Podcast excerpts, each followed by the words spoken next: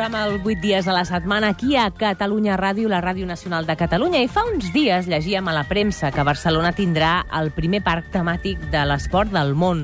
Una idea curiosa, sobretot molt innovadora, ja que fins ara ningú havia proposat res de semblant.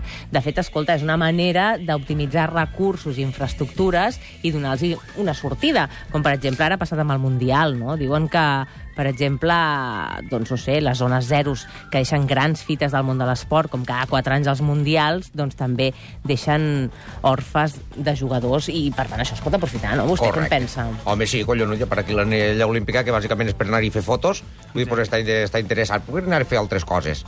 Mira, està aquí amb nosaltres en Paco Medina i Vicente. Què tal, Paco? Hola, molt bona tarda, molt Hola, bé. Paco. Molt bé. T'hauríem de dir l'enhorabona i també, vaja, que valent que ets, perquè suposo que això és una inversió molt gran, sí o no? És una inversió gran i és un projecte que portem treballant des de fa 3 anys i pico, 3 anys i mig. Per tant, poca broma, no és una idea i, per tant, començar a tirar-la és a agregar i agavellar moltes estructures, moltes corporacions importants de primer ordre a nivell mundial, molta empresa catalana d'aquí, per fer alguna gran, per fer alguna que normalment farien aquests que et diuen les majors, no? Uh -huh. Disney, Bros, doncs, bueno, eh, nosaltres eh, som agosarats perquè és el temps de ser agosarats i des de fa tres anys i mig doncs, hem estructurat un, un model de, de desenvolupament, de negoci, bàsicament orientat a fer doncs, un parc, eh, el primer parc del món dedicat al major entreteniment del món, que és l'esport. Són 66.000 metres quadrats a l'anell olímpic de Montjuïc, una proposta que, segons tu dius, i segons els seus creadors, va destinada fins i tot a persones que tenen panxeta, no? No cal Això ser una mica de boig, eh, allò per l'esport, sinó que t'agradi, que tinguis ganes de posar-te una mica a prova, van per aquí els trets? Ah, exactament. Hi ha molta oferta últimament de, de, que li diem pels vigorais de l'esport, no? I tothom no, no som d'aquesta condició. Correcte. Ja ens agradaria. Correcte. Per tant, el que fem, però el que sí que és el major entreteniment del món, perquè és passió, perquè és emoció, perquè és afició, és l'esport. Potser ara, quan arribem a casa, posem les notícies i el 20% de les notícies són esport. És el que parlem en un ascensor, és el que motiva a molta gent. I, per tant, una cosa tan senzilla com el, la major tecnologia en entreteniment, que són els parcs temàtics, que comencen al, al segle XIX amb els parcs temàtics en aquell moment de lo que era el reclam, que eren els animals i les faunes, i a Barcelona som una de les, de les primeres ciutats d'Europa que té un parc zoològic. Mhm. Al segle XX, amb la revolució industrial i els automatismes, Barcelona és una de les primeres ciutats d'Europa que té uns, un dels primers parcs d'atraccions, el, el Tibidabo, i ara el major reclam del segle XXI diuen que en termes econòmics és l'esport i la tecnologia associada, no? Doncs el que volem fer és el primer parc del món dedicat a aquest eh, entreteniment del segle XXI, el primer parc d'atraccions del segle XXI. I amb això també neix un concepte que és l'esportainment, no? Sí, és aquesta paraulota que és d'ajuntar el concepte esport amb, entrete amb entreteniment en anglès.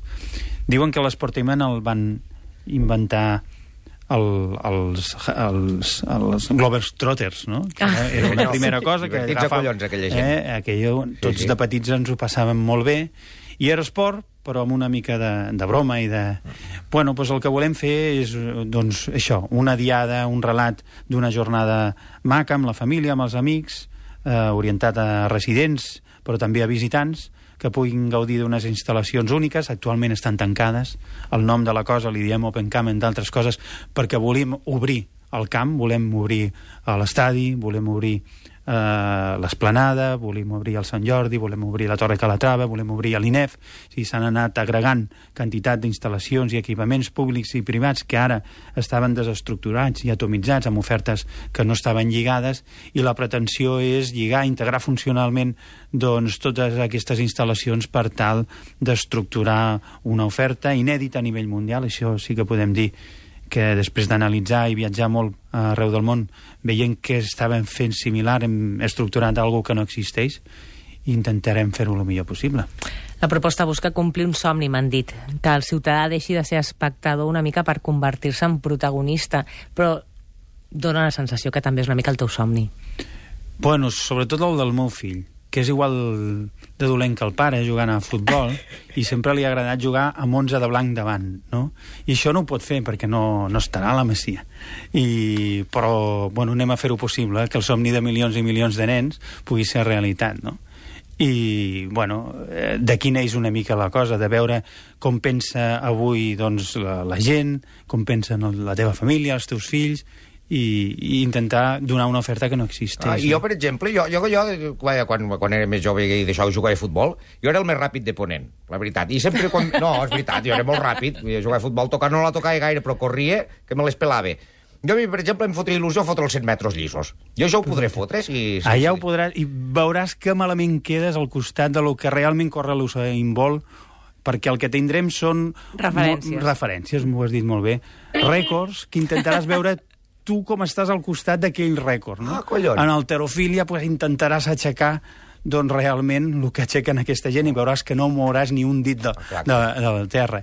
I així és una, una estada divertida que intenta agafar l'esport com a referència i tu com a protagonista. Clar. I, I sobretot tastar. És un, hi ha moltes paraulotes d'aquestes, és un living lab, un, és a dir, és un, un espai de, de vivències, un testing, de tastar moltes coses associades a l'esport, doncs el, rellotge, el rellotge que et diu que estàs en fora de joc quan estàs jugant, els drons que et graven i, per tant, després tens una cobertura mediàtica i, i d'audiovisual molt personalitzada. Eh, el que fem és posar la tecnologia a l'abast de l'individu, no a l'abast de les empreses, mm -hmm. i, per tant, en lloc de tenir la foto del Dragon Khan com a Clar. referència, el que tindràs és la foto del teu fill fent el salt de llargada, encara que salti només un, un metro. mig. Exactament. Ah. Jo estava pensant que si jo fos un cool hunter d'aquests d'esports, no?, que van a ullar als camps d'infantil, doncs a partir d'ara te'n vas dir que directament a l'Open Camp a veure com es posa a prova la gent, no?, Vas una mica. encertat a la primera, perquè ja hem establert contactes amb les dues estructures en català l'altre dia ho dèiem com es deia ojeadores. Ullador, no? mm, pues, no, Ah, espera't, sí. Li podíem dir... El xafarder. El xafarder. Xafarder o... Com es diu? Com, quina paraula veu trobar vosaltres? Eh, deien que els bombers tenien una paraula per eh, veure el foc. Escolta, això els Això oients, de, és això, una això- pregunta als oients que els són més oients savis de que tots Catalunya. Ràdio ens ho resolen en un minut. Ah, que estic 8 segur. dies arroba catradio.cat 932017474. Com s'ha de dir en català correctament i si no, el servei lingüístic d'aquesta casa, ojeador. Un quart de sis.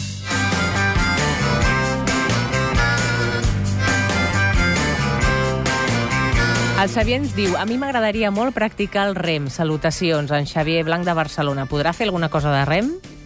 En una primera fa- fase estem centrats molt a, a tractar l'esport eh, rei, perquè és el que ens dona possibilitats en el que és eh, l'estadi olímpic, o sigui, el futbol, l'atletisme, però una segona fase, eh, aquest esport com el que ara comenta l'amic, eh, doncs estarà present. Per tant, el rem, si més no eh, en realitat real, que diem, en realitat virtual el podrà tastar. I també el que podran tastar és, per exemple, alguna de les 56 experiències que seran úniques, no? Digue'm quina és la que creus que triomfarà més, així, per posar la cirereta al pastís, quina serà? La, la, la que heu comentat ara, la, la gent li fa molta gràcia saber en quan fa els 100, El metres, 100, sí. els 100 metres lliures. Els 100 metres lliures els podem fer tots. Clar. Eh? Però, clar, A veure, de- algú farà el triple i el Clar. de, de lo que ara. Però hi ha un munt. És a dir, ens, hi haurà sorpreses i, òbviament, doncs, eh, el poder-te comparar, referenciar amb els teus ídols és un atractiu únic que serà molt interessant. Em demana també un oient, i m'ho transcriuen els companys de producció, si heu pensat en minusvàlids, que ell és invident. Sí, molt bé. Uh, això és una de les primeres coses que vam fer.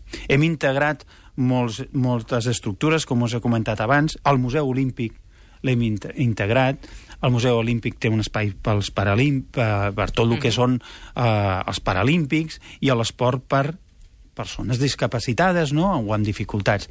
I, per tant, això estarà eh, pensat des de l'inici per tal de que la gent pugui tastar eh, tots aquests eh, esports, les dificultats que tenen aquestes persones i, per tant, el concepte paralímpic, el concepte, òbviament, de, de persones discapacitades estarà present. Caça-talents, vistaire, observador o busca promeses? Tens cinc opcions.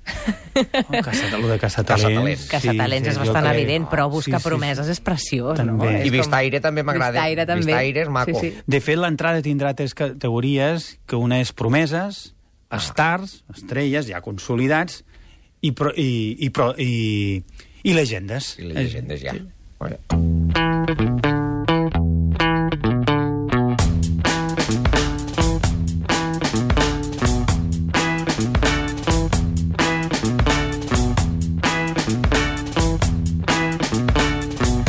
Parlat de les coses que hi ha al voltant d'aquest nou projecte, aquest Open Camp, que en xifres podríem dir estarà obert 230 dies a l'any, tindrà 7.000 visitants diaris i generarà 240 llocs de treball. L'obertura és prevista per l'estiu del 2015, oi? Exactament, ens hem marcat el 2015 a l'estiu, no tenim una data encara eh, concreta, fixa, però sí que ens agradaria que pogués fer ser el mes de juliol. Intentarem que així sigui, si no, doncs serà al setembre, però l'estiu de l'any vinent. Uh -huh. Hi ha cert rebombori a la xarxa per la por que l'anella olímpica de Montjuïc s'acabi convertint en un espai privat. A tot això què hi dius? Que no ho serà, perquè, òbviament, no... la- l'anella olímpica, les instal·lacions i els equipaments, com qualsevol instal·lació o equipament de qualsevol anella olímpica del món, estan orientades, bàsicament, a, a poder ser jugades per eh, les empreses que fan promocions o de concerts o d'aquests dies hi havia tres dies de bodes de testigos de, Jeho de Jehovà i estava llogada. Per tant, la pretensió de qualsevol ajuntament, de qualsevol administració, és poder llogar els 365 dies perquè tingui sentit, tingui una ocupabilitat i nosaltres el que hem pogut fer ja ens agradaria hagués, eh, bueno, poder fer els 365 dies hem fet una proposta a l'Ajuntament, a la Generalitat de 230 dies que són caps de setmana i els mesos centrals de l'any que és quan hi ha mm, més bon temps com qualsevol parc eh, d'atraccions, qualsevol parc temàtic i per tant el que fem és una, es, fa, es fa una sessió d'ús d'aquests espais però que en cap cas és privatització la titularitat continua sent De l'Ajuntament. l'Ajuntament, Mhm. com quan ara es va fer els X Games. En el nostre cas el que fem és senzillament no, no, no destorotar ni banalitzar l'espai perquè el que fem és deixar-lo com està i que senzillament s'ocupi per fer aquest tipus d'atraccions. Per tant, no hi ha cap obra estructural, no hi ha cap cap tancament físic de, de l'anella, els espais que són públics continuen sent públics, a més a més, hi ha espais que ara són tancats i que mai hem pogut eh, visitar, com ara el hall de l'estadi, la torre tel telefònica, que començaran a ser per primera vegada oberts a tothom, encara que no paguis l'entrada. Una entrada que és del mateix tipus com quan anem al zoo o quan anem al parc d'atraccions del Tibidabo. Per tant, en cap cas estem parlant de privatitzar.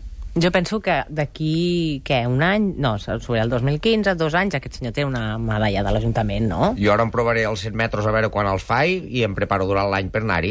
Provar a veure que no, que no quedi tan malament com em sembla que vaig a quedar ara, deixeu. I em- Jo em prepararé per veure el volt aquest, eh? pues, en qualsevol cas esteu convidats a, al dia d'inauguració. És un projecte difícil, complex, perquè estem en uns moments que aixecar finançament per fer aquestes coses és molt, molt difícil, perquè estem parlant, com hem comentat abans, doncs de quantitats molt, molt grans, però ho estem aconseguint sense necessitat d'anar a l'exterior, amb, amb risc i ganes de molta gent de- d'aquí, de, de Catalunya, que creuen el projecte.